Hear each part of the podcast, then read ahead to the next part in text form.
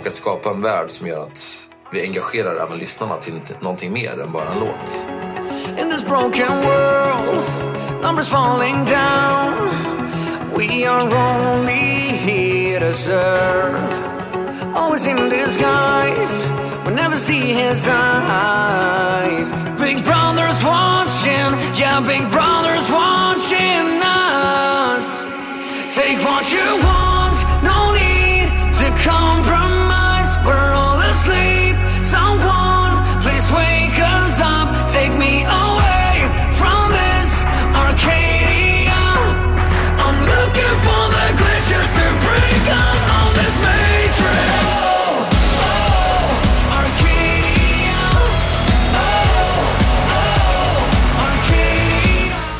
Arcadia Och så mycket mer, det blir så himla roligt så jag kommer ju vilja göra Det här blir för mig som att skriva en film med att lägga musiken på Men hallå där kära lyssnare och välkommen till eh, Rockdudes nummer 108. Och idag ska vi snacka riktigt modern och toppklassig rockmusik. Och gästen det är bandskaparen, låtskrivaren och gitarristen Benjamin Genebo från Smash Into Pieces. Benjamin var den som startade bandet för eh, snart 15 år sedan och debutalbumet kom ju ungefär runt 2013 och sedan dess har de inte legat på latsidan utan att de har släppt ungefär fem album på de här åtta åren. Rent musikaliskt så har ju inte bandet eh, följt en och samma formel utan att de har från platta till platta hela tiden utvecklat både sig själva som låtskrivare men även bandets sound.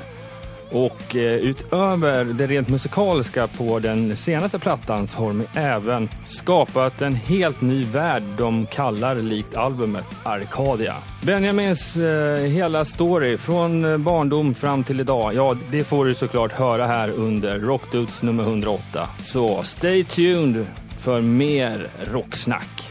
Som jag sagt så många gånger förut, men jag är fortfarande oerhört tacksam för allt stöd eh, ni ger oss via sociala medier och numera även via Patreon där du kan antingen betala en engångssumma för att stötta oss eller bli månadsgivare. Och alla pengar vi får in den vägen, det, ja, det går ju oavkortat till podcastens existens men även utveckling. Och enklast hittar oss genom att söka på Rockdudespodden på Facebook, Instagram och Patreon. Återigen, stort tack! Nej, nu ska jag sluta pladdra så mycket här utan att vi går rakt över till intervjun med Benjamin Genebo. Vi börjar lite smått så här med, eh, brukar inleda med lite från vad, allting började på. Vad är ditt första musikminne? Oh, den var bra. Um, det som slår mig är att jag stod och kollade på min far när han stod på scenen med sitt dåvarande band Round Midnight som var ett stort Örebroband. Uh, jag var väl sju år, åtta år. Stod och kollade på när han uh, headbangade med sin bas. Och uh, det var ett minne som jag minns väckte liv i någonting i mig faktiskt. Vilken typ av musik var det de spelade? För de som ah, inte vet, vet vilka bandet var. Bluesrock, eh, covers. Eh, ja, bluesrock med blås. Så det var ju väldigt, eh, det var ett stort band liksom. Ja, häftigt. Ja, riktigt. Det är, inte så, det är inte sånt som man ser så ofta nu för tiden. Eller i alla fall inte så mycket i, i det kommersiella eh, hörselfältet så att säga. Nej, verkligen inte. Nu är det liksom eh, soloartister man ser. Eh, allt över tre är för stort i konstellationsmässigt, känns som. Exakt. Eh, vad tänkte jag på? Eh, men, och det här var ju så pass tidigt så att det måste ju vara nästan eh, då man börjar eh, kunna ha minnen för någonting överhuvudtaget. Eh, men vad, tog, vad, tog det, vad gjorde det med dig mer än att det var häftigt att se farsan spela instrument och så? Jag, jag tror att det skapade absolut en liksom, liten idolisering av pappa. Att man, någonstans vill man väl liksom också klättra samma träd som ens föräldrar. Och um, för mig var det väl liksom att shit, det där vill jag också bli. Vad ska, vad ska jag göra då? Och sen, uh, mamma var ju konstnär och pappa var musiker så att jag tror jag försökte göra lite av båda. Måla och spela och måla och spela. Och sen uh, blev det att jag insåg att de här två egentligen hör ihop. Allt är bara ett kreativt, kreativt uttryck. Ja. Och för mig blev det väl att göra det som jag kunde göra mest. Och sjunga och skriva musik var någonting jag kunde göra oavsett om jag hade papper och penna eller ett instrument i handen. Så att det blev liksom att musiken tog över mer och mer från det här. Faktiskt. Precis. Bör, började du skola dig tidigt också eller är det bara eh, eller självlärd så att säga? Jag har alltid varit rädd för skolning. Jag har tyckt att skolning känns format. Eh, jag har inte gillat att formas liksom, ut efter någon slags mall. Som det var, det var en läroplan. Liksom, på. Jag, jag testade såklart att gå liksom, både trumpet och gitarr och musikskola och sådär. Men jag kände direkt att här, här börjar alla ställa sig i en kö och ett led och förväntningarna kommer snarare uppifrån än inifrån. Mm. Jag hade liksom ett kreativt uttryck som kom mer ifrån min glöd och min eld. Att liksom få folk att reagera på det jag gör snarare än att göra som folk säger. Liksom. Um, Exakt. Ja. Nej, så ja, jag, var inte, jag var inte så för det där. Nej, det är ganska viktigt. Framförallt, eh, du står inte bara på scen och spelar och, och så. Du skriver ju har ju skrivit mycket musik då vad jag förstår, mest hela livet. Ja, exakt. Sen jag var liten. Liksom. Då kan man bli inspirerad men kanske inte styrd. Eh, ja, men precis. Det är ordet jag faktiskt skulle också använda. Inspirerad. Det älskar jag att bli. Det finns inget bättre. Um, musiksmak sådär, det kan ju alltid utvecklas med åren. Det kan jag bara säga själv. Det jag är uppvuxen på, med föräldrar från 70, eh, ja, mitten och slutet på 70-talet. Det var mycket svensk prog och blues och rock och sånt där och det ligger ju fortfarande varmt om hjärtat såklart. Men sen har man ju lärt sig att gilla en massa andra olika genrer och musikstilar. Eh, men eh, bortsett från din fars musicerande, vad, vilket band var det som, ja, som du tog, tog det till hjärtat som föll dig i smaken först så att säga? Ja, alltså det är så kul. För jag tror ju väldigt mycket på att jag faktiskt, det jag såg lyckan sprida sig i min familj. Som min mamma till exempel, hon städade alltid till Cranberries och Skank Anansi. Som mm. var en slags rock med väldigt melodisk pop liksom. Och det här fick mig såklart att se att det här var musik som fick folk att må bra. Så att det blev ju också musik som fick mig att må bra. Eh, relaterbart liksom. Men sen pappa var ju liksom mer, han, pappa var väldigt Deep Purple och Black Sabbath och eh, Steve Vai och Van Halen och sådär. Mm. Men jag, jag, tror att för mig var det faktiskt någonting med den här melodiska rocken. Jag följde redan där när jag var yngre mycket mer för det än för pappas musik. Gjorde jag. där det var mer instrumentalt och mer kanske då musikaliskt eh, skickligt. Men jag föll mycket mer för det här melodiska. Och, eh, så Skankanansi var nog mitt första band som jag liksom var helt såld på. Jag skulle ha en Skankanansi-tröja. Jag skulle, du vet, allt med dem. Alla skivor. Kunna alla texter. Liksom. Det var så här. Ja, det var en riktigt fet vibe runt om där också på 90-talet. Ja, det var verkligen det. Det var ja. någonting som bara eskalerade där. Så att, ja, jag skulle säga Skankanansi. Ja. Coolt. Och Nirvana är... måste jag också lägga till. Nirvana också. ja, de kan man inte gärna peta bort. Nej. Ja, men vad kul. Ehm, men vilken ålder var du där ungefär, skulle du säga? Ja, jag skulle säga 10 till 9 till 11 då. Mm. Någonstans där omkring. Ja ändå ganska, jag, det är ändå, jag tycker det är kul när man pratar med lite olika människor och just det där med Det är en sak om man gillar ett band som typ hela världen, men nu var det verkligen så med Skanken Nancy och ja, Cranberries och alla de där banden också. Det var ju väldigt, ja, syntes ju överallt på MTV och sådär. Mm. Men eh, det är, just Skanken Nancy är ändå en liten nästan som en egen nisch inom sin musikstil just då i varje fall. Det var inte så populärt i min klass vet jag. Eh, Nej. På den tiden var det också lite så här kanske homofobi. Och eftersom hon var lesbisk och rakad svart sångerska så var det direkt, när jag gick omkring med tröjor på henne så var det liksom det, det väckte i alla fall rätt mycket på den tiden. Ja, jag har alltid varit lite rebell sådär. Ja, ja men vad är, vad är den musikstilen skulle du säga vad det var du fastnade för? För det är ju som sagt det är ett väldigt groove och ett annat typ av blandade stilar nästan kan man säga. Känslan, hennes uttryck, hennes ärlighet. Mm. Det var någonting, om man kontrar där mot som var stort då i poppen, då var det Britney Spears och Spice Girls. Och det var jättebra melodier det, säger ingenting om det. Mm. Men jag tror att ibland vill man bli berörd lite djupare. Och det var någonting ärligt bara med Skank Anansi som jag... Det touchade mig på ett mycket djupare plan än Britney Spears Hit Me One More Time. Eh, liksom. Super Max Martin producerat. Ja, det är hur bra som helst. Men eh, du vet, jag tänker på det här hur man vill. Alla människor vill ju någon gång känna sig berörda också. Ja, det, framförallt är det det som när vi sitter så här eh, ja, 20 år senare och, och pratar om det så är det ju fort, man kan fortfarande framkalla minnen av just sådana här händelser när man kanske ja, upptäcker ett nytt band just i ganska unga år också. Ja men exakt. Mm. Precis. Eh, precis. Vi, har inte kommit förbi mellanstadiet där men vad rent egenmusikaliskt, eh, mer än att du ja, gick och ändå gick lite musikskola och sådana där saker. Så att du redan då började skriva på egna låtar eller spel, lärde du dig spela andras låtar så att säga, covers?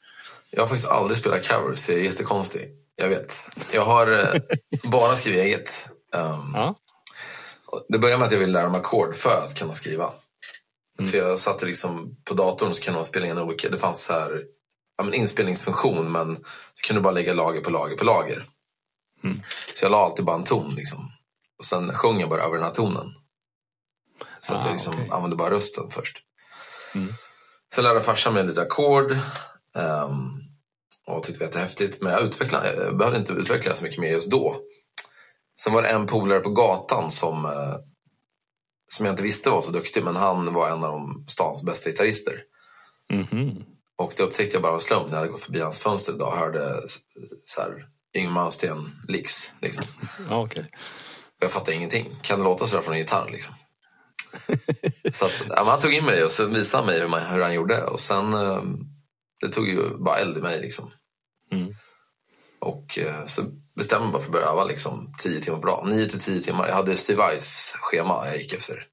Mm. Så det var 0 till 100 bara från en dag till en annan. Precis. Sen, eh, ja. Sen, fortsätter, sen fortsätter det från börjar någonstans, när man pratar med andra, så är ja, framförallt kanske runt högstadiet och sådär, liksom, börjar det väckas tankar om eh, starta band eller sådana bitar? Eller fortsätter du ensamvargsmetoden? jag var väl lite ensamvarg men det var faktiskt, jag hade lite tur där. För att, eller tur ska man inte säga, men det, det fanns, i Odensbacken fanns det en replokal. Ja där de hade som musikförening där de ville att folk skulle komma och spela. Och det började ploppa in fler och fler band och jag fick höra om den här musikföreningen. Så jag, och jag kände ju ingen där ute utan vi hade precis flyttat upp landet och jag tog bara min moppe och åkte dit. Eh, och bara satt där varje dag, säkert i ett par månader och kände ingen. Men jag bara älskade att lyssna på när folk spelade. Och så spelade jag också in på en sån här mp3 hur gitarristerna spelade så jag tummade hem. Mm. Och eh, snodde liksom vad de spelade kan man säga. Mm. Och sen en dag så var det en kille som frågade, du sitter här väldigt mycket sa han. Eh, spelar du något band? Och nej, sa han, men sätt upp en lapp då, att du söker band liksom. Jag bara, nej. Nej, jag väntar med det liksom. Men precis då hade det faktiskt kommit in eh, ett nytt tjejband som såg att jag satt där väldigt ofta och de hade gått fram till mig och frågat om jag ville vara med i deras band. Så jag började ett tjejband faktiskt. Som trummis. Ja, ja, ja. ja. så jag var trummis med dem ett gig. Uh, aldrig mer, kan jag säga. Jag är inte aldrig mer trummor eller? Nej, aldrig mer, det vart aldrig mer dem och det vart aldrig mer trummor. Och det var inte deras fel, utan det var verkligen, jag var inte trummis bara. Nej. Jag, hade väl lite, jag var väl lite väl där. Och, ja, det är väl lite så som det är den åldern också. Liksom, att du kanske bara, ja, men det enda du sitter och tragglar är en gitarr eller bas eller vad som helst, ett piano. Eh, sen när väl någon blir tillfrågad, liksom, då kan man ta vilket instrument som helst. Ja, jag ville bara vara med. Liksom. Jag ja, taggad. Men sen efter det ja. så kände jag att jag... Eh, nej, men då ville jag liksom spela gitarr kände jag. Och då, fick jag, då hade jag som tur att hoppa med ett äldre band som var där. Mm. Och de var ju liksom 17 till 19 och jag var bara 14. Mm. Um, och då, då kände jag att här kan jag utvecklas. Och sen uh, hade jag som mål att bli bättre än den andra gitarristen då, som var där. Och uh, efter typ ett halvår så ansåg de att jag var det. Och, ja, ja. Mm. och då började jag också skriva musik och då märkte jag att det var lite väl mycket konkurrens. Jag sa det, jag startade ett eget band istället. Mm. Och då började jag faktiskt planera för Smash. Ja, det var redan, var, var redan runt den Ja, då var jag 16-17. Ja. Men då hade jag inte klart vilket band Smash skulle vara. Jag hade bara sagt att jag ska ha de bästa musikerna jag vill ha. Alla ska liksom vilja utvecklas mm. hela tiden. Och dra samma håll musikaliskt och så också kanske. Ja, då hade jag faktiskt sett Isak eh, på en talangtävling. Mhm. Jag såg honom redan tio år, vet du, när jag var 16. Ja, för han är ganska mycket yngre än vad ni andra är. Ja, han är inte med i Smash nu. Eh, Nej, nej men, men då tänkte jag. Exakt, han var mycket yngre. Men, men han var med från när han var 13, var då jag tog in honom. Från 10 upptäckte jag honom. Så att det tog tre år för mig att bygga Smash planering och liksom låtar och hur det skulle vara. Så. Just det. så det, var ett, det var ju mitt livsprojekt redan då. Eh, Och är fortfarande liksom. Ja, precis. Det är bara att nu delar vi den rollen flera stycken. Så det är jätte, jätte underbart. Ja. Det är som en stor familj. Ja, I verkligen. alla, fall, I alla fall den kärngruppen som det är med, med tre, tre stycken är det ju idag, om jag inte minns fel. Ja, precis. Eh, pl- Plus en eh, digital historia. Som vi Exakt. komma in på lite senare. Eh, Ja, men vad co- coolt. Men hur, alltså hade du med dig massa låtar när du väl började sa- sammansätta den här gruppen Smash Into Pieces? Eh, Eller hur gick första jammet eller hur, hur gjorde ni när ni kom till replokalen? Ja, det, var verkligen, det var verkligen ett jam. Åt helvete, kan jag säga. Det var ju så trummisen var ju Toto fantast. Jag var ju metal man alltså. Jag spelade bara, Ja. var ju aldrig under 22 toner i sekunden. Nej, Liksom. just det. Så det var ju liksom inte ett jam, det var mer en slags... Eh, Alla var spelar på krig. sin... det var liksom, trummorna spelade fyrtakt och jag körde på som aldrig förr. Och, ja, du vet. Men vi insåg att duktiga är vi i alla fall. Så det här går säkert att laga. Mm. och sen alltså, sångaren stod och bara... Alltså grejen att Adam var inte med från början. Ja, just det. Utan vi hade olika, olika sångerskor och sångare. Mm. Ehm, Så att det var väl liksom att låtarna fanns faktiskt innan Adam kom in. Och jag, jag, jag tror att det jag tog med mig från första repet där det var kaos. Mm. Det var att strukturera upp hur man kan kompromissa. Och jag var väldigt kompromissbar när det kom till att inte behöva spela så snabbt. Eller liksom, Ja, faktiskt att spela med trummisen är rätt viktigt. Mm. Och då hittade vi det här soundet som var Creed, Alter Bridge. Och jag bara, det här. This is the shit. Ja, exakt. För att det är lite det man... eh, Eller så fort första gången man träffade er så var det, det var en gemensamma nämnare. var ju framförallt just Creed och Alterbridge grejer. Ja, vi var ju så otroligt fan, fan av dem. Så att, eh, och så hittar man Adam på det också, som sjöng liksom som Miles Kennedy. Man bara, gött, vi har det. Homerun! Homerun! Mm. Ja. Eh, Men eh, okej, men eh, själva låtskrivandet, var det du som gjorde det eller gjorde ni det tillsammans? Eller hur började Vi det? har faktiskt alltid varit, innan Per kom in så var det ju alltid jag eh, själv. Liksom. Och jag har alltid suttit liksom, i min lilla mancave skrivit natt ut och dag ut. Liksom. Men sen kände jag att jag tror väldigt mycket på konkurrens. Det är det viktiga. Alltså, det är jättefarligt att landa i den här att shit vad läskigt. Liksom att inte våga utmana sina låtar mot andra och sådär. Ja, just. Um, och så hittade jag Per som både var en iberduktig gitarrist, eh, liksom bra person och en extremt bra låtskrivare. Då kände jag att dig, du måste med. Ja. Och han hade redan ett band då, men han eh, övergav faktiskt det och gav sig in i våra projekt. Mm. Sen hade ju han och jag ett jäkla... eh, Liksom, ja, men det var ju en utmaning för oss båda att skriva så att båda var nöjda för att det var vi inte i början. Nej, just det. Väldigt, vi drog ju väldigt olika. Vad grundade sig det på? Det olika grundinställningar till musikstilar eller var det bara... Ja, det är olika smak bara. Liksom. Ja, Ehm, mm. Och då insåg vi båda två att det här får vi liksom... Men, men det är också sånt som tar tid att växa ihop. Liksom. Mm.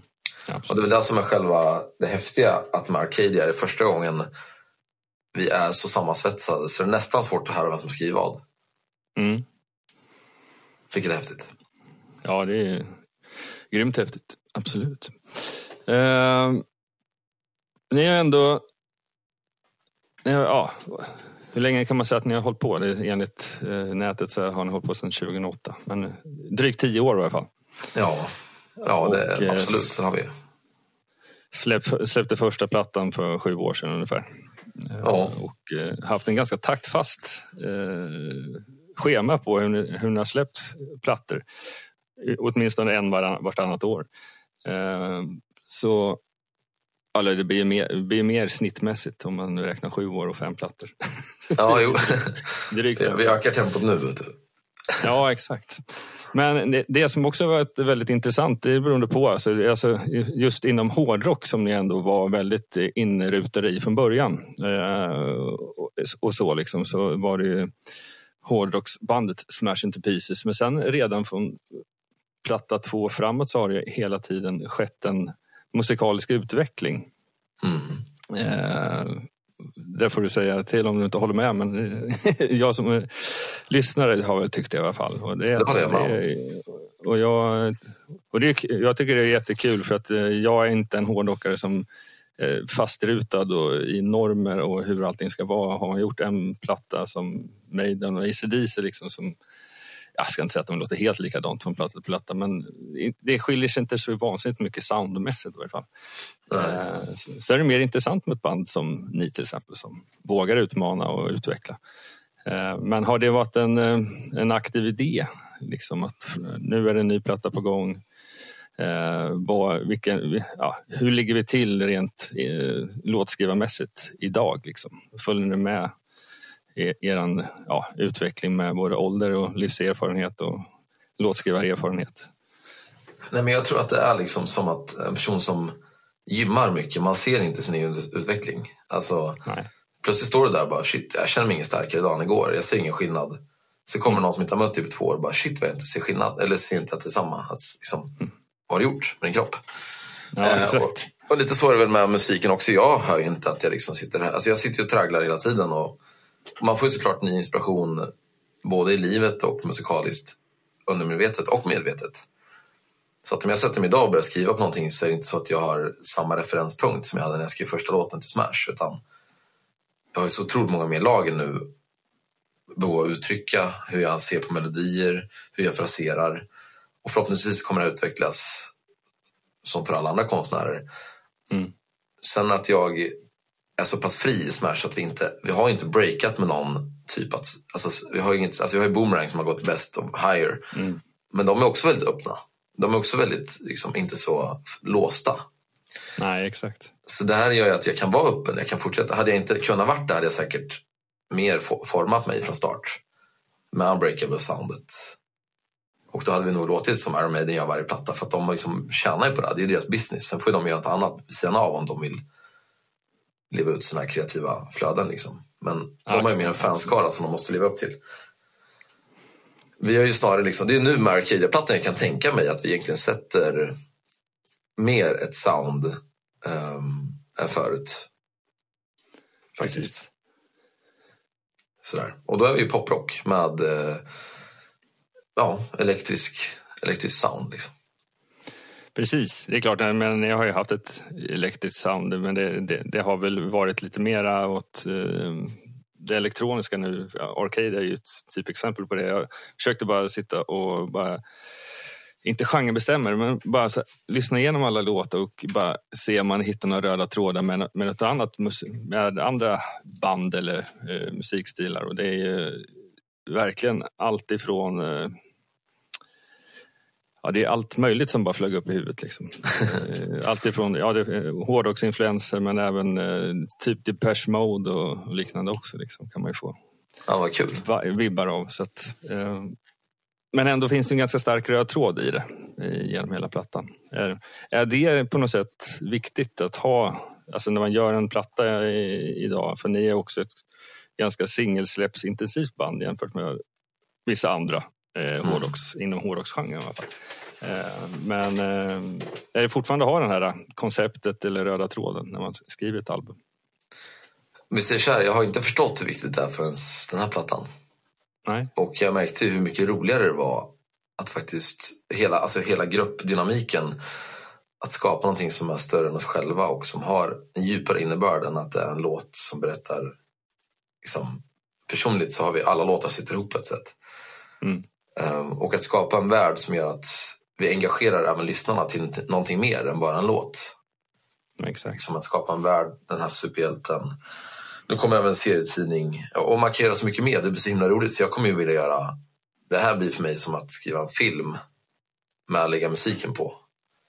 Ja, exakt. Det blir lite mer en, ett, ja just det, filmtracks så att säga. Ja, och djupet i det är ju mycket roligare än att bara sitta och skriva en låt. Mm. Rakt upp och ner liksom. Har du mer sammansvetsat er som grupp också i just eh, kreativa processen? Ja, alltså sån, sån här grej, man måste ha ett otroligt bra team för att kunna skapa något sånt här stort. Um, ja, men allt med de här coola 3D-filmerna vi har till storyn kring allting, hur allt sitter ihop, hur Apocken ja, men liksom har superhjälte med allt det visuella och vem han är. Och sen på det ha en platta som beskriver allt det här. Det här teamet runt det här är ju otroligt sammansvetsat. Och det är tack vare att vi har en enhetlig story, en enhetlig vision kring allt. Har ni tagit in, tagit in eh, flera andra externa parter så att säga för just vara med i det mer visuella eh, ja, så att säga i videos och, och så? Ja, Och- det har vi. Mm. Eh, vi, vi, känner, vi känner vi hittar, vi hittar bra Göteborgs team eh, Mm. som är otroligt begåvade och som brann för det här. Och det handlar om att hitta folk som brinner för, alltså när du visar upp en idé, att se hur folk liksom får bli engagerade och får gnista kring det. Precis. Kommer de med från eh, filmvärlden så att säga? Eller? Spel, de har gjort mycket så speltrailers Ja, spel. och sånt där. Just det. Grymma 3D-animatörer är de. Kommer det bli ett spel av, eh, av, av det här också med tanke på namnet på plattan? Kan man få lite intresse på att det skulle bli något spel? Ja, jag hoppas det. Jag hoppas det. En film ska det bli i alla fall. Ja, Så får hoppas att det blir spel också. för det är lite, det är lite intressant just att ni får det här konceptet runt eh, ja, apokalypsen. Liksom. Eh, själva, att han får mer en framträdande roll, eller den, eller vad man ska kalla det för. Mm.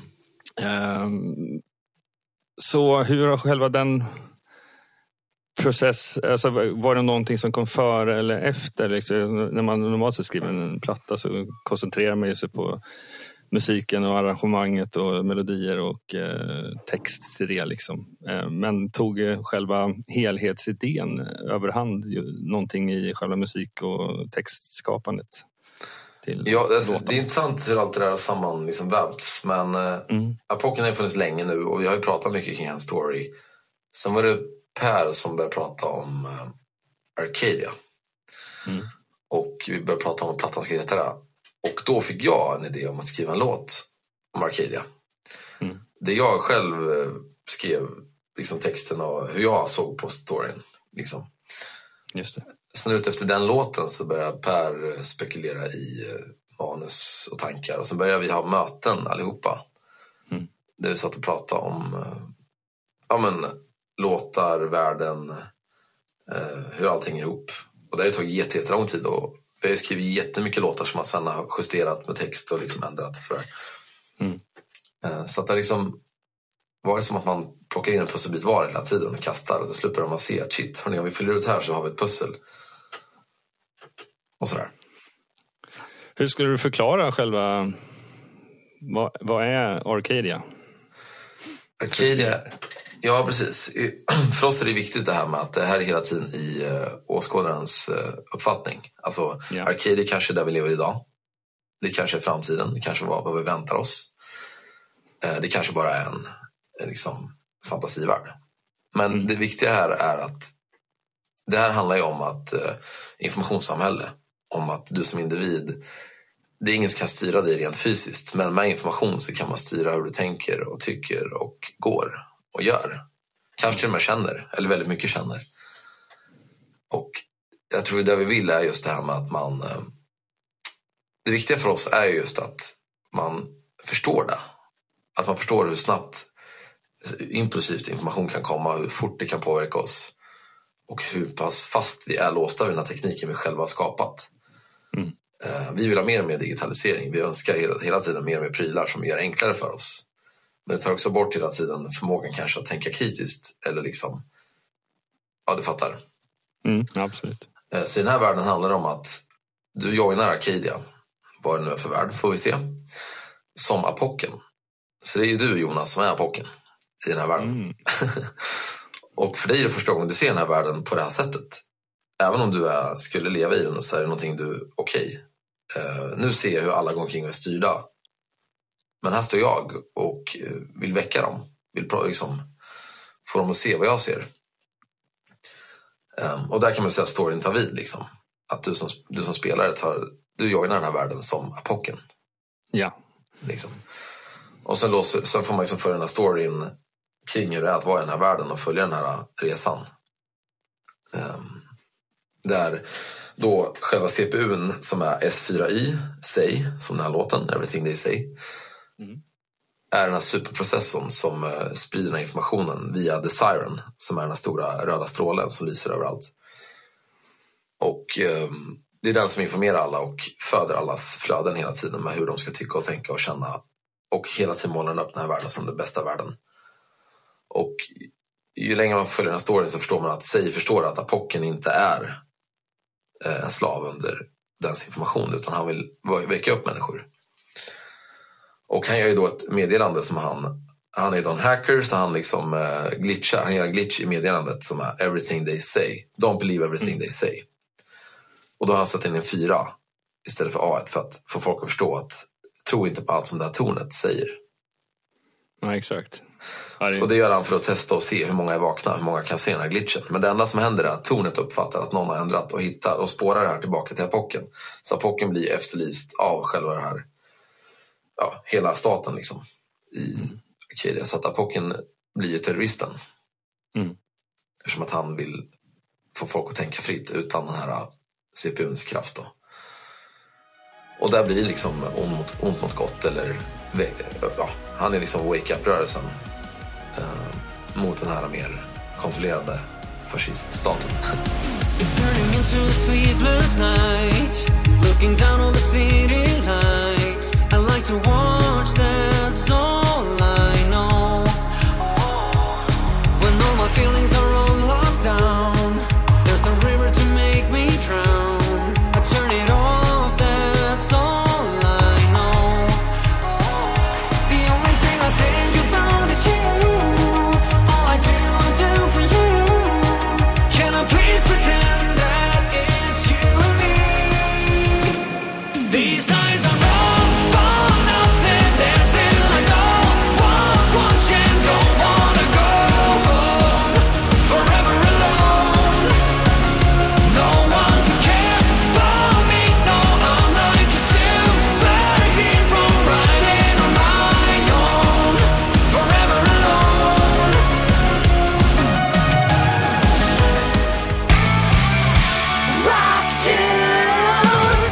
att det är det. Är klart, det finns många andra som har byggt liknande stories i filmvärlden och så. Liksom. Men det är ändå intressant att kunna, att oavsett om, det är samma, om samma koncept på ett eller annat sätt har funnits sedan tidigare så är det ju så att det daterar sig också lite när man gör den.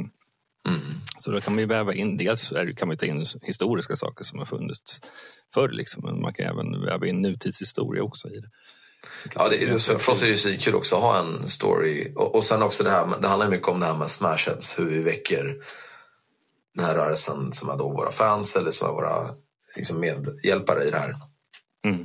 Uh, och det är de som vaknar i slutet av storyn. Man får följa storyn liksom. Um, ja, efter Big Bang helt enkelt, när han spränger den här byggnaden. Så startar den här upp igen. Men då får man också se vilka som har vaknat och vilka som väljer att för, alltså stanna. För vissa väljer hellre att gå tillbaka till tryggheten där man känner igen. Mm. Om det är på bekostnad av din frihet eller inte så är många som väljer att leva så. Och vissa väljer faktiskt att uh, ta ansvar för sig själva och leva i, sin, i den verkliga verkligheten där de kan tänka kritiskt. Exakt. På bekostnad av att inte tillhöra den stora gruppen då. Och det är de som är smashheads. De som har vaknat. Precis. De är utvalda. The chosen one, där har du också. ja, fasen det här, ja, det här, och det känns ju bara som att ni egentligen på något sätt med den här plattan också har precis börjat någonting. Sen ja. det kan ju bli intressant att se hur fortsättningen kan bli. Liksom. Och här kan man ju verkligen tänka sig att skulle man få ett spelföretag och vakna till liv för det här, liksom, det här skulle kunna bli någonting coolt. Och, men överhuvudtaget generellt sett i alla fall som sequel i, i någon viss form. Liksom. Precis. Uh, jag blir nyfiken på, för ni har ju ändå börjat göra lite mera avancerade scenuppsättning livemässigt och sådär när man har sett lite på era shower och sånt. Eh, men det här måste ju öppna nya idévägar på att utveckla det sceniska också. Verkligen. I alla fall, i alla fall när ni ska spela saker som har just med Arcadia. Nu kan ni bygga er egen Arcadia-värld, tänker jag. Är det, hur, hur tänker ni där? Ja, vi tänker exakt så faktiskt. Mm. Um, vi vill ju gärna börja med teknik som inte används så mycket av band. Uh, många band är ju kvar lite i den gamla skolan. Liksom, man har mm. inte uppdaterat så mycket som Marshallstacken. Men jag menar inte att det är fel. Jag menar bara att eh, vi, vi är inte där. Vi är inte ett band. Nej. Vi vill vara liksom i framkant. Och Sverige har ju också världens bästa teknik. Eh, möjlighet i alla fall, om man jämför med mm. många, många, många andra länder. Eh, så att vi känner att vi, nu har vi tagit in att vi kommer ha liksom, eh, projektorer och, och genomskinliga liksom, så att vi kommer kunna skapa en 3D-värld på scen. Där mm. vi liksom, jag ska kunna stå i regn och spela fast jag är inte blöt utan det är bara digitalt regn. Eller ja, just det. Apocken plötsligt är stor som fem meter stor men att han sen är liksom vanlig size. Och sen att man, liksom, man vill ge åskådarna så otroligt mycket mums-mums som möjligt. Liksom och eh, engagemang. Är det här någonting som eh, när jag till och med kunna, alltså innan då ni började bygga den här världen har du fått in mycket inspiration av även från fans som har pratat om, om det här. Ja, något, ja, att, att det finns någonting som de önskar från er eller är det, allting kommer bara från era egna huvuden och hjärta för att vilja skapa det? Alltså, alltså, man, är ju, alltså man blir ju jag tänker man ser så mycket. Jag menar, man, när jag skriver med fans eller man liksom skriver med folk så kommer det alltid säkert idéer. Just nu kommer jag inte på någon sådär men, Nej. men att folk liksom efterfrågar saker. Eller att, jag vet ju också hur stort Apocken har ju växt väldigt mycket. Så mm. man vill fokusera mer kring liven också kring honom. Och att vi alla är, kanske är i Arcadia-världen. Liksom.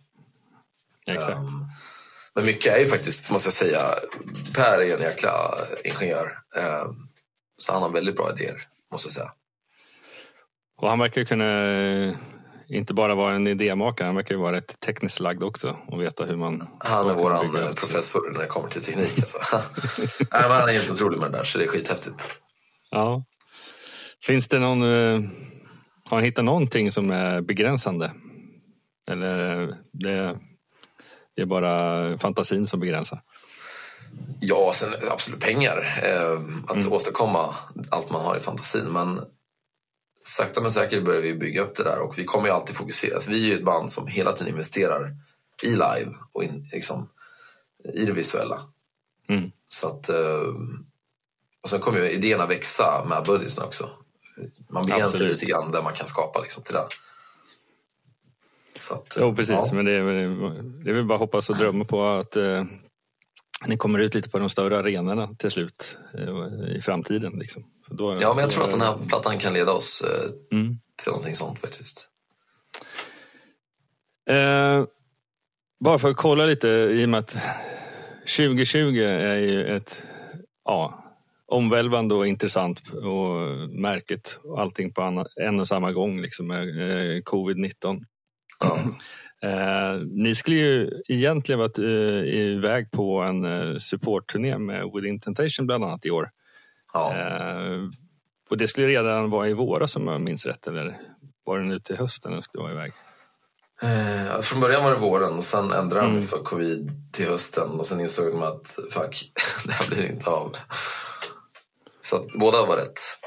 Ja, just det. Just det. Eh, men hur som helst. Eh, nu ska ni göra det nästa höst istället. Ja.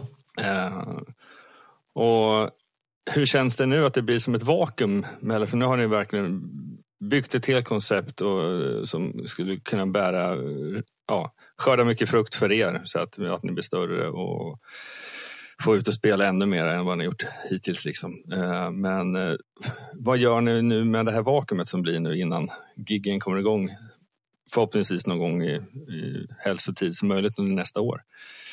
Eh, ja, precis. Från början var det liksom en frustration och kanske en sorg i oss alla. Men jag tror att vi är väldigt bra på att inte fastna i en känsla utan snarare se vad kan vi göra. Mm. Rätt lösningsorienterat gäng det här.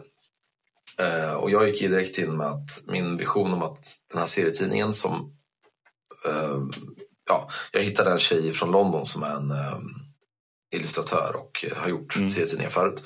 Så jag kände att okej, jag tar den här pucken, jag drar i storyn och eh, serietidningen och skriver klart plattan. Och då fick jag mer tid på mig också att faktiskt gå in Mm. och lägga till. Då, då jag skrev counting, counting on me. Mhm. Och kände att jag fick mer tid till faktiskt. Och den, den skrev jag från början eh, utifrån ett perspektiv mig till min far. Mm. Ehm, men sen kände jag att det här var en perfekt story för Apoken att berätta. Just det. Så att det här, och, och- Per fick mer tid och han skrev Forever Alone. Ehm, så det, på något sätt var det att vi liksom snarare tog bort den här stressen av att bara kasta ut det fort som fan. Liksom. Och bearbeta och genomarbeta det riktigt, riktigt bra. Ehm, så för var det tanken faktiskt- var lite mer att ni skulle släppa, släppa plattan i samband med att ni skulle åka på den här turnén eller? Ja, var och då hade vi inte fått med Counting on Me eller Forever Alone. Nej, just det. Och, eh, ja, så att, för mig var det verkligen värt det. Eh, och, och sen att det liksom såklart ställer till det som tusan. Det gör ju bara att man får hitta nya sätt. Det är som allt annat. Ehm, det finns, fansen är kvar där ute men vi måste bara hitta dem. Och då var det Youtube. Så nu har vi växt som tusan på Youtube. Liksom. Eh, och Spotify växte vi också på som tusan. Mhm. Ehm, nu är vi liksom snart uppe i ja, vad är det, 750 snart. Så att det ökar ju tusan där. Men sen tänker jag att det här skapar ju också att man kanske förstår hur sårbar den här branschen är. Och vi tog för givet lite grann, tror jag, de flesta av oss.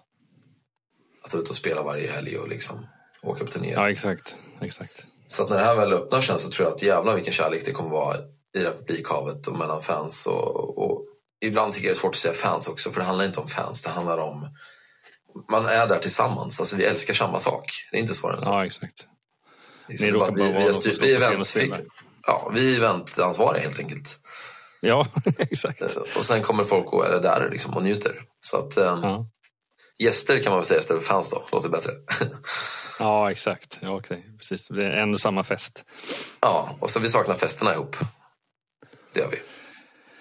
Exakt. För det är ju den där gemenskapen som det, jag tror att det, de flesta bottnar i när det gäller saknaden av det här. Och det kan ju alltid vara från folk som älskar att gå på festival och hänga med folk man enbart ser där. Och, Precis. och, och samma sak när man går på konserter också. Liksom. Så det, det är nog visst. För att det, de vill, de vill gärna klumpa ihop allting som kultur. Men det är en vansinnig skillnad mellan eh, det är mer likheter mellan en, en stor fotbollsmatch och en, eh, och en rockkonsert eller en konsert eh, än vad det är mellan teater och konsert. För teater Väldigt mycket. Exakt. så det att, eh, absolut, det är verkligen live på riktigt. Så, ja, men jag tror att när det öppnar upp så kommer alla, det, man kommer vara mycket mer, alltså, det här är våran kyrka liksom. Det här är Mm. våran religion. Och alla vi som delar det här arbetar ihop oavsett vi vill eller inte. Och Mm. jag tror att man kan släppa mycket på den konkurrenskänslan som var förr. Just det, just det. Liksom kanske mer be alla gå ut. Fan, nu spelar Norrman deras stan, gå och kolla på dem. Nu spelar Exakt, liksom, för jag, tror det skulle, för jag tror att min upplevelse när man, pra, när man pratar med er band och sånt, liksom, är, det, jag, sällan man riktigt upplevt den här konkurrensen. Det är mer kanske ni som upplever den i sånt fall. Däremot så kan man ju då, om man nu går över i roller som arrangörer, där kan jag tycka att inom vissa delar av arrangörssläktet så samarbetar man och tänker inte alls konkurrensmässigt så mycket. Liksom. Men där hoppas jag lite också på att det blir lite mer av en eh, live-arrangörsfamilj. Liksom. Man, man, man behöver inte hjälpa hela tiden för att det är ändå tiden som, som oftast begränsar. Men- att vara lite mer eh, kärleksfull mot varandra. Lite mer ja, respekt. supporta varandra. Liksom. Ja, exakt. Det, kost, det kostar ju sällan så mycket. Kan man Ja, tänka. precis. Ehm, kul. Ja, det är som sagt var jättekul när man får nörda ner sig i sådana här saker som intressen som kan dessutom eh, inte bara stanna vid det rent musikaliska utan serietidningar och allt vad det vad som Ja, kan komma. för mig bara, det, det, är en del av samma, det är det här paraplyt. Under det här paraplyt har vi liksom allt skapande. Mm. Ehm, så att där finns det inga gränser för mig. Det kan, alltså jag, musik är bara en del av det här trädet. Jag älskar allt som har med skapande att göra. Mm. Sådär. Ja, precis. Du har ju gener från två olika kreativa delar så att säga. Förstår man. Otroligt opraktisk eh. person men eh, skapa gillar jag. Ja, exakt. Men det är väl det där som jag läste någonstans att du anser vara en entreprenör och det är väl typexempel på någon som skapar förutsättningar. Sen att ta hand om och driva det i mål och sådana saker. Det är inte alltid entreprenörens uppgift. Nej, det är inte min styrka faktiskt. Det är nog att hitta Men då har man också medhjälpare. Nej, precis. Väldigt bra personer, exakt. Eh, om ni ser utvecklingen av er som liveakt Bortsett från det, allting rent tekniskt med eh, att ni dessutom håller på ja, konstant utveckla livescener som sådant. Men hur har, hur har det gått tycker du? Har, har progressen gått enligt plan eller eh, har du någonting annat att önska eller har det gått bättre till och med kanske? Jag, jag tror att eh, det ena med live-grejen det är ju också att förstå för mig är det viktigt, det jag har lärt mig i alla fall, är ju energin live. Mm. Och hur man fångar upp men hur vissa låtar kanske gör så mycket bättre live.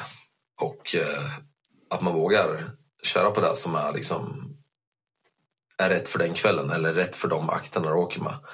Mm. Um, såklart har man ju sina topphits där som folk alla sjunger med i. Men uh, utefter det kan man liksom finslipa lite. Precis. Sen är det väl att uh, det jag har lärt mig i alla fall det är ju liksom att min energi jag har med mig på scenen den visar sig oavsett jag vill eller inte. Så att jag brukar försöka släppa mycket av mitt privatliv när jag går på scen. När jag går på scen så är jag liksom då vill jag gå in i min karaktär, liksom roll. Exakt. För du är en ganska extrovert person på scen och det har väl nästan alltid varit på något sätt. Men ja. eh, jag, har aldrig, jag har aldrig riktigt känt dig sådär privat liksom. Men är det en stor skillnad mellan den privata personen och eh, scen-alter egot eller rollen som du har? ja, både ja och nej. Alltså, jag är ju en väldigt ja, extrovert person i mycket sammanhang, alltså fest eller liksom bland folk eller sådär. Men sen mm. är jag också extremt eh, en allvarlig person. Eh, liksom, tänka, sitta själv. Ha mina perioder där jag liksom inte ens träffar folk. Och, eh, så att jag är nog lite bipolär där, kan jag tro. jag trivs väldigt bra att bara få dra mig undan ibland och återhämta mig. Aha. För att sen gå ut och ge allt. Liksom. Ja, och det låter fullständigt rimligt. Skulle man leva med 100, 110 procent extrovert energi konstant hela tiden, det skulle bli ganska dränerande, tänker jag. Ja, det ska vara både de omkring mig och mig själv. exakt. Ingen, ingen inklusive mig själv orkar leva, orkar leva med en. Liksom. Nej, exakt. Men ja, vi pratade lite så här, inspirationen när du startade bandet i form av eller själva förbandet med Creed, Walterbridge och sånt där. Men vad... Eh, om vi bara tar nu, vad är det senaste musiken oavsett genre som du har upptäckt under det senaste året? Eller, gärna nämna flera om det är så. Ja, väldigt bra fråga. Men alltså, jag måste säga att jag är ju, nu är jag väldigt inne på låtskrivare. Liksom. Eller det har ju varit länge men låtskrivare är ju fascinerande. Liksom. Um, sen tycker jag om, nu lyssnar jag mycket på det, det har varit The Weeknd såklart. Um, jag måste nästan kolla här bara för det. Vad fan lyssnar jag på egentligen? um, jag lyssnar ju sällan på en hel låt, det måste jag erkänna. Okej. Okay. Jag lyssnar sällan på så här jag är lite så här, jag klarar inte av för mycket intryck på en gång. Nej. Utan jag, jag vill, mitt enda syfte är att vara inspirerad. Och jag kan bara vara inspirerad när jag är hungrig. Um, så om man ska se mig som en kock så vill jag helst inte äta maten, äta för mycket annan mat. Utan jag ska gå och lukta på den för att sen gå hem och laga min egen. Uh, så att jag lyssnar, låt oss säga Five Seconds of Summer, liksom The Weeknd, sen Svea, lite olika så här. Men jag lyssnar kanske 30 sekunder, en minut. Sen är jag snabb som tusan på att stänga av. Sen låter jag det bara gro i mig. Kanske går omkring här hemma, tar en dusch, börjar diska, börjar sjunga, börjar nynna. Och plötsligt måste jag sätta mig ner och skriva själv. Ah, okej. Okay. Så att jag är ju världens sämsta lyssnare på det sättet. Men du har, du har väldigt många parametrar som måste ligga inline för att du ska hamna i det moment som du verkligen vill vara i kreativt så att säga. Verkligen. Jag har just förlagt med hela mitt liv på det här sättet. Liksom. Så då går det ta det, är det typ som eh, till och med så att om inte hungern riktigt finns där så går det att bara ta ett dygn träningspass innan och blir det bättre efteråt så att säga? Eller, eller har en formel för att så här måste jag göra för att jag ska hamna i, i rätt mode? Ja, ibland vill jag inte hamna i rätt mode och det är någonting jag... Det är som att jag vet att när jag väl hamnar där så kommer alltid ut någonting jag tycker är bra. Vilket är jättekul. Men när det väl gör det så kan jag inte sluta, jag blir manisk. Så att ja. jag, jag kan liksom inte släppa någonting. Jag kan sitta utan att äta, utan att sova. Ja, hur många dagar som helst. Um, och du vet, jag blir helt låst. Liksom. Som när corona kom, då var det så här, då gick man inte till jobbet, man gick inte träffa polare. Så satt jag i två veckor, liksom, jag vet inte hur äcklig jag var då. Och bara skrev och skrev och skrev. Och till slut blir jag nästan, alltså mina föräldrar, mina, alla människor omkring mig blir oroliga för hur jag mår då. För då äter jag inte och jag blir väldigt dränerad och jag blir väldigt djup och allvarlig. Och blir ofta i en depression som tar mig ytterligare en vecka att komma ur. Så att jag är extrem i mitt sätt att skriva. Så att jag, när jag väl går ifrån det då försöker jag att inte bli för inspirerad. Men jag vet ju hur jag blir inspirerad. Mm. Det enda måste hitta balansen till att skapa utan att liksom, bli destruktiv. Mm. Eh, och det är det intressanta. Liksom. Och min enda lösning på det, det hittade jag att skriva med andra. För att när jag skriver med andra så bär jag inte hela tyngden själv på att det ska bli klart. Eller då är det fler med i, i projektet. Liksom. Just det, just Men i Smash och Sörbianebo så har jag drivit nästan allting i mina låtar helt 100% själv. För, för, förutom när Dino kom in och eh, blev en stor viktig del för mig. Liksom. Mm. Så nu har jag jobbat mycket med Dino. Um, men jag vet inte, någonstans, eh, jag är fan inspirerad. Det är jättelätt för mig att bli inspirerad. Mm. Jag är snarare akta mig från det. Det är alltså min konstiga grej.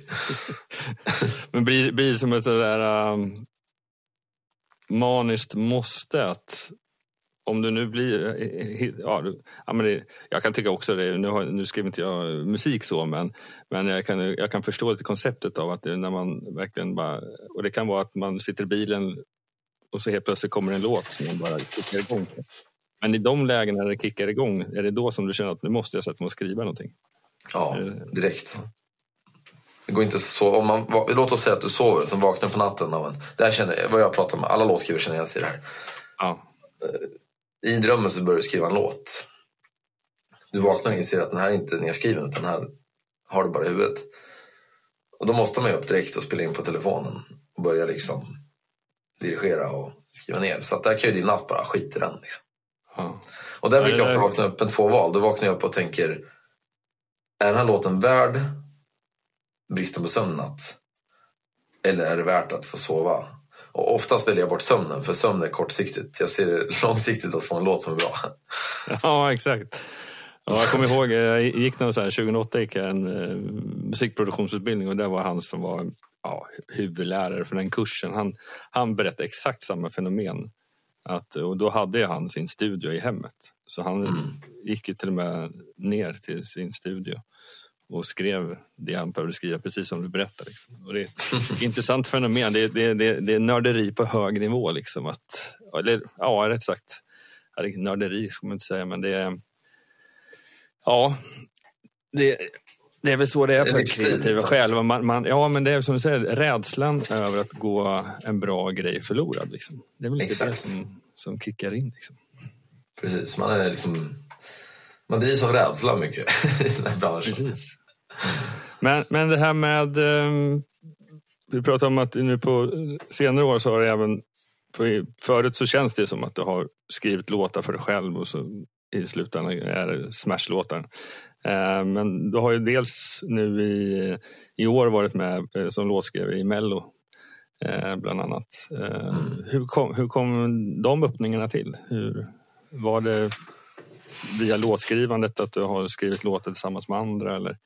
Ja, det, mycket är det att jag liksom, det här med Dino-samarbetet mm. och att jag, jag skriver så pass mycket och så pass, mm. alltså jag är så eldig i det här så att jag eh, sakta men säkert så blir det så att det liksom drar åt sig lite uppmärksamhet.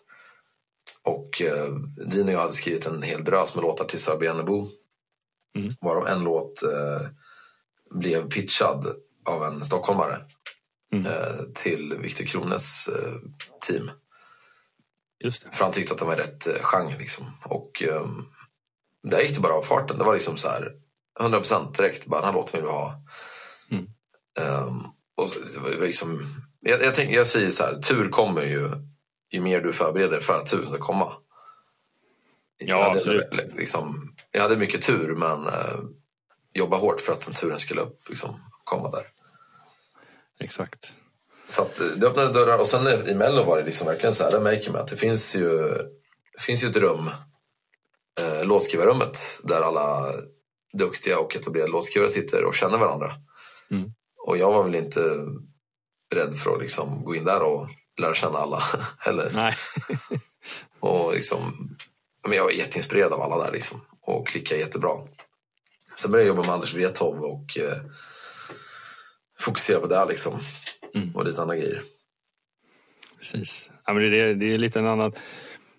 Det man lite kan sakna ibland, det är klart att när man har band och så, då finns det ju väldigt mycket teamwork eh, och så lagkänsla eller vad man ska kalla det för liksom, såklart. Men jag kan tänka mig annars just så här, för låtskrivare rent så här, back in the days innan typ Dennis Pop och när det började komma riktiga pophitsverkstad Mm. Eh, så var det väldigt mycket enmansjobb och sen kanske man eh, ja, gjorde lite så samarbete men just kan jag tänka mig att det blir lite annorlunda när man så kallat inom situationstecken flyger in folk från lite olika håll i landet eller världen.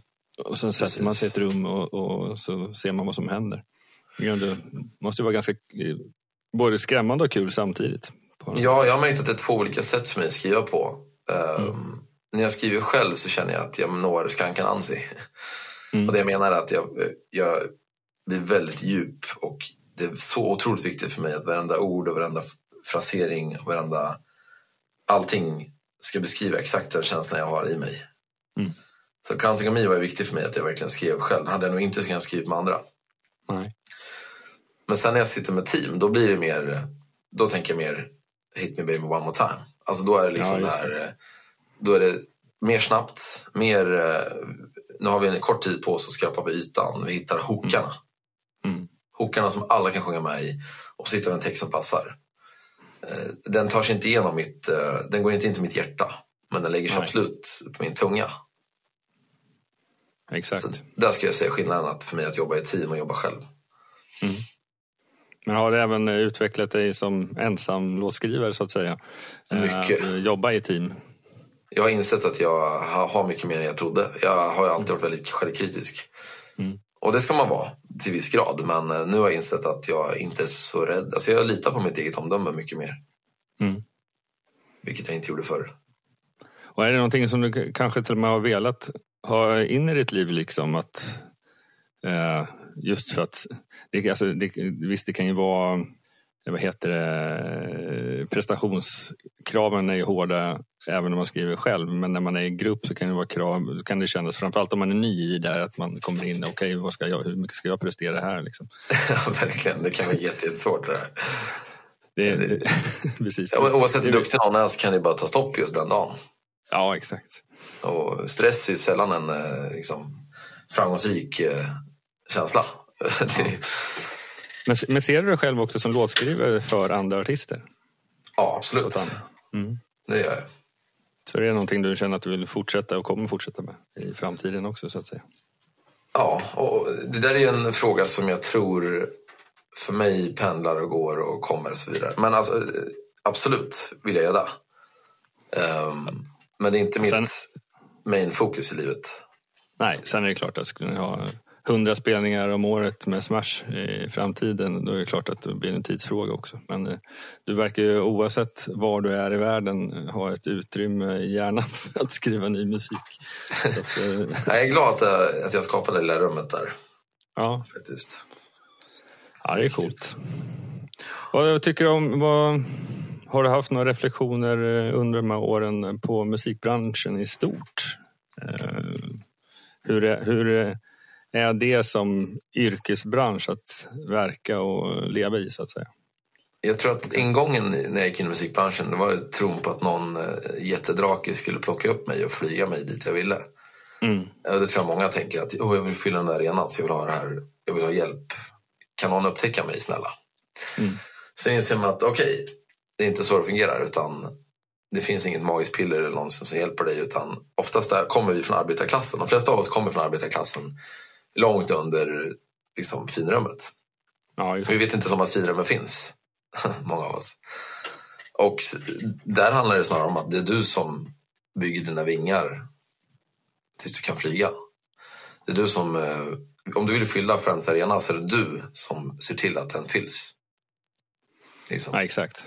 Ja, det är ju oavsett hur bra team man har bakom sig som kan marknadsföra sig. Det, det är svårt att eh, marknadsföra potatismos och falukorv om man har tänkt sig att man ska servera ox, oxfilé. Liksom. Ja men exakt. Eh, så ingången är väl lite det här att magin, man insåg att det handlar snarare om att vara ett företag än att vara en drömmare. Och då menar jag inte att du ska släppa drömmaren men du måste hela tiden bygga i Smash har vi gjort det så att jag har fortsatt vara drömmare. Mm. Medan de flesta av de andra killarna eh, har blivit mer realister och kanske arbetar mer företagsmässigt. Medan jag har suttit mer och liksom skapat eh, min vision eh, tillsammans med Per också såklart. Mm. Och det var skönt för mig att inte behöva sitta och koll på alla siffror eller hur vi som fördelar eh, mycket av det här vi har ju som ett liksom, skivbolag nästan. Ja, exakt. Men ingången var i alla fall mer eh, oskuldsfull och nu känner jag mig mer liksom som att jag är inne i en, du vet, en, en hård strid att ta sig fram och det är hård terräng. Ja. Men gillar du, alltså, om du, nu hade, om du skulle bara drömma lite med den här, din första initiala dröm på att, att någon skulle upptäcka dig och förstå hur fantastiskt det var. Det här, jag kommer att fylla Friends Arena i, om en vecka. Mm. Alltså, om det, om det, där, det där som händer vissa artister, det är klart att de kan ha jobbat i flera år innan de slår igenom men när de ändå slår igenom över en natt mm. eh, jämfört med att successivt jobba upp sig som ni ändå har gjort eller håller på fortfarande. Mm. Eh, det är svårt att, att, att, att, sätta sig in, att bli känd över en natt känslan ja, det är när man har gjort det. Eh, men om man bara funderar lite på det. Vad, vad, det är lätt att det bara blir en fluga om man slår igenom stort för att det blir ett, det ett jäkla eh, skepp att styra liksom. När man väl ja, jag, jag tänker som fort. Min, spekul, min inspiration kring det är väl, om jag tänker filosofiskt, filosof, mm. filosofiskt är väl att bygga relation. Hur stark relation kan du... Jag tänker som en crush, en stark attraktion mm. till någon kommer in i tjejrummet och du flyger av stolen för hon är så snygg. Mm. Kontra en person som växer in i ditt liv. Mm. Eh, liksom, som du får djupbound med. Den ena kommer du glömma lika fort som den kom in i rummet. Medan den andra stannar kanske för evigt. Och jag ser det så mm. med fans, eller med gästerna om vi pratar om dem. Mm. Att vi bygger ju en relation med våra liksom. Och det gör att vi, som avatar, man kan åka och gigga och veta att man, det kommer folk. Ja, exakt. Medan om det blir en, kanske en popidol, eh, låt oss säga en idolvinnare. Ja. Jättehäftigt att stå där och alla blickar på dig. Men de här blickarna som tittar på dig, de tittar bara på dig endast utifrån den etiketten du har med dig. Ja. Så fort etiketten ramlar av och hamnar på en annan, då är du ingenting. Nej, och då får man på sin höjd kanske åka runt till lite köpcentra och spela för folk där liksom, som råkar vara där just då. Och kanske någon känner igen dig vid en autograf och sen är det så. Liksom. Ja, precis. Ja, men det, är, det är helt olika kostymer att, att använda så att det, det är väl alltid rimligt och säkert skönt på något sätt för att det är höga amplituder och bara upp och ner med känslor. Det vet man ju att det är häftigt när det boostar på liksom. Men eh, det dränerar, man blir ju rätt... Det tar ju mycket som, kraft också. Som amfetamin? får en jävla kick. Ja. hela bakslag också. Sen liksom. ja, exakt. Då går man med Precis. självmordstankar helt plötsligt. Exakt, ja. det är bättre att hålla sig nykter och jobba sig, jobba sig uppåt. ja, exakt. Men eh, vi kan börja med en annan grej. Det är bara för att du eh, avslutar själva Arcadia-grejen. Men ni har ju, plattan har ju varit ute ett antal dagar nu vad, är, vad är responsen ni har fått från fansen? Ja, det är ju, det är ju så, jävla, det är så himla kul att läsa allas kommentarer. Men det är ju det är ju otroligt positivt. Jag har nog aldrig sett så mycket positivt för oss. Mm. Um, överlag är det liksom att folk tycker att det här är den bästa plattan vi gjort. Uh, jag håller med. Att folk älskar konceptet och tema och den röda tråden. Uh, och att många engagerar sig i det här, i den här världen. Mm. Um, och sen att vi liksom bara på sen i fredags, men, nu har plattan snart 12,5 miljoner streams totalt sen första låten. Och bara sen i fredags är vi uppe i liksom 800 000 streams. Det blir en miljon på, på fredag typ. Mm. Så det är sjuka siffror som inte bygger kring stora bolag i ryggen. Vi har inget bolag i ryggen, det är bara vi. Så det här är ju bara våra liksom, följares förtjänst. Just det. Så jag skulle säga att responsen är ju bättre än, än, vi hade kunnat liksom, ens tänka Ja, oss. det. För ni jobbar ju helt eh, frifräsarmässigt just nu om man säger så. Fri, ja, Ja, independent, men det gör vi ju. Mm. Vi hyr på de tjänster vi behöver. Just det. Så vi, med distributionsavtal och sådana grejer. Typ. Ja, Eller? exakt. Mm. Precis. Ja, ja, men det, det måste, måste, måste vara riktigt häftigt just det där med just när när, framförallt när man gör det hela kedjan själv på något sätt. Liksom, eh, och så, så är det ju kul när det är egentligen den responsen ni lutar er mot och har väl, gör ju alltid det. Liksom. Men det är ändå den här direkta supporten och, och tacken från fansen som betyder någonting. Det är också därför det är så intressant. För igår ställde vi frågan vilken låt folk tycker är favorit. Mm. Och det är ju alltså det är verkligen så här, de flesta skriver ju att alla. Ja. Eh, eller så väljer de ut ett par, fyra stycken. liksom. Så att Ja. Det går inte att säga. man märker att den är så himla eh, jämn, plattan. Ja. Och det tycker jag är otroligt kul att se att eh, vi har lyckats skapa, jag och Per då, liksom 13 låtar som är så jämna. Och sen eh, ska jag också nämna att The Siren är skriven av Andrea Alvinci från Örebro. Ja, ja. Mm. Introt. Just det, för det är ju bara ett rent intro. Kan man tänka Precis. sig kanske kommer i något konsertsammanhang i framtiden? Garanterat. det kan jag lova. Eh, men eh, jo, men om vi återgår till den där som vi sa, vad händer om Smash om hundra år? Nej, men eh, om vi säger två år när förhoppningsvis hela livecirkusen är, i full gång igen. Jag, jag vill ju tro att Smash vad är målet är, med plattan? eh, Plattan ska ju liksom eh, lägga grunden. Det är så här, jag tänker på Batman Beginning. Det är liksom origin story. Mm. Så det här lägger grunden för allt vi gör nu från framöver.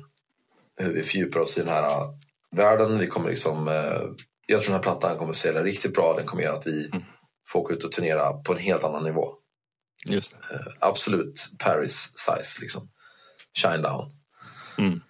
storlek. Ehm, och att vi öppnar upp för en lite mer, alltså genren, jag tror att vi öppnar upp för en ny breddgrad här. Där liksom band, många kommer våga skapa band utifrån en mer modern touch. Mm. Eh, och inte behöva vara så himla badass. Utan man kan vara cool för att man liksom, ja, men, i, sitt sammanhang. Det här liksom är inte coolaste bandet i världen på det här sättet. Utan här gör vi våran grej för att vi tycker det är Ja, coolt. Ja, men jag får ju lite känsla, alltså helhetsmässigt, det första jag tänkte på när jag bara snabbt lyssnade igenom var lite mer som dig, kanske inte lyssna på he- hela låten utan ta en, en minut per låt ungefär. Liksom. Men det, jag, jag ja, nämnde såklart som Depeche Mode, men jag får ju ändå mycket den här känslan av att vad jag ser mig framför, förutom eh, hur världen kommer se ut, är ju lite den här Muse arena-känslan Mm. andas lite den här plattan. Sen är det om man gillar Muse eller inte, men, men det finns ju sån en extrem potential. Så att det, Ja, vad kul. Eh, Så det är kul och det, det, det är som sagt, och den, den sticker, sticker ut men det var några, jag tog bara några random-låtar för att om man kollar på, eh, jag och min fru är ju så här mid 40s liksom. Mm. Eh, Och eh, har ju vänner alltid mellan 40 och 50 ungefär. Eh, Och eh, där är man ju ganska och det- och då skulle jag säga, framförallt på min frus sida är ju musiksmaken, det är, det är bara populärmusik. Eh, det som ligger på listor och så vidare, liksom, som de flesta lyssnar på. Eh, men där, här så stack jag in några låtar bara för att det, för jag tyckte att det här måste jag appellera på. En, eh, alltså inte bara unga människor. Eh, men det, det, var ju verkligen någonting som de kunde tänka sig lyssna på för att om man skulle presentera några av era tidigare alster, eller tidiga alster framförallt, då var det kanske inte deras musiksmak och det får man respektera. Men det, det är som mm. du säger, det här fortfarande är det så att era gamla och trogna fans kommer gilla den tillsammans med att ni kommer säkert få en hel uppsjö nya. Mm. Eh, mera, ja det behöver inte vara popfans liksom men, men eh, som kommer lite från andra hörn i varje fall. Ja men precis, den är ju vi har ju sminkat rocken i pop. Ja, exakt. Och lite 80s nu. Stranger Things tema. Precis, men ni har ju ändå eh, Adam. Hans, även att hans sångutveckling just på den här plattan har ju skett ganska eh, radikalt. Ja, verkligen. Mycket, mycket tekniska partier som man förstår att han... Det känns också som att han, eh, vi har liksom alla blivit mer enade. Eh, ja till och med i låtarna så är det mer enigt. Adam är med i låten för att mm. kanske vara mer spretigt. Man hörde att ja, det var liksom en kamp bakom varje låt. Nu har det inte varit det. Nej. Liksom. Nej, eh, bara hoppas på att allting blir som det, det, som, som man hoppas på, som man önskar när det väl det här. Just nu är det ju bara, ja, men är, på ett sätt är det bra att det finns lite tid för eftertanke och ni har god tid på er att bygga upp det ni behöver bygga upp. Och som du sa, ni fick till och med med några extra låtar på skivan. Precis. Eh, så att, och sen när det väl smäller, då får det smälla ordentligt. Helt enkelt. Ja, det hoppas vi. Mm. Ja, vad kul! Underbart! Eh, kul samtal. Så att jag tar och eh, tackar så mycket, helt enkelt. Tack så jättemycket Jonas. Tack kära ni för att ni har lyssnat på Rock Dudes nummer 108 och våran gäst Benjamin Genebo från Smash Into Pieces. Ja, det är alltid så intressant att få ta del av stories om hur allting en gång började och hur allting har utvecklats fram till idag. Och sen när det kommer till Benjamin och Smash Into Pieces så har jag följt dem sedan start och Nej, jag tycker deras musikaliska utveckling alltid varit intressant. Att stå på sig och verkligen stå för det som man själv vill göra, det vill säga passionen får styra. Och det här nya spåret de har tagit eh, med både den musikaliska utvecklingen men även att eh, skapa en helt ny värld. Ja, det ska bli otroligt intressant att få se det en vacker dag på en liveshow någonstans i världen.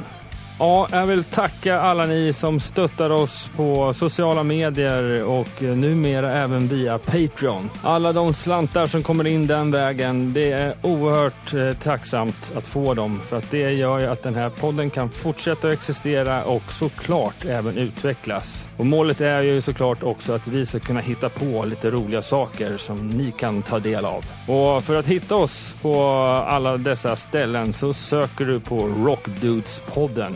Och de nästkommande avsnitten av Rock Dudes ska fortsätta lite på samma spår, det vill säga inom den moderna hårdrock slash metal-genren. Det kommer att bli ett antal enskilda avsnitt med två av medlemmarna från det svensk-danska metalbandet Amrant. Och en av dem har redan tidigare varit gäst här på Rock Dudes. Ja, vad säger ni om det? Det låter väl intressant? Och som jag brukar säga, fram tills dess... Rock on! Rock to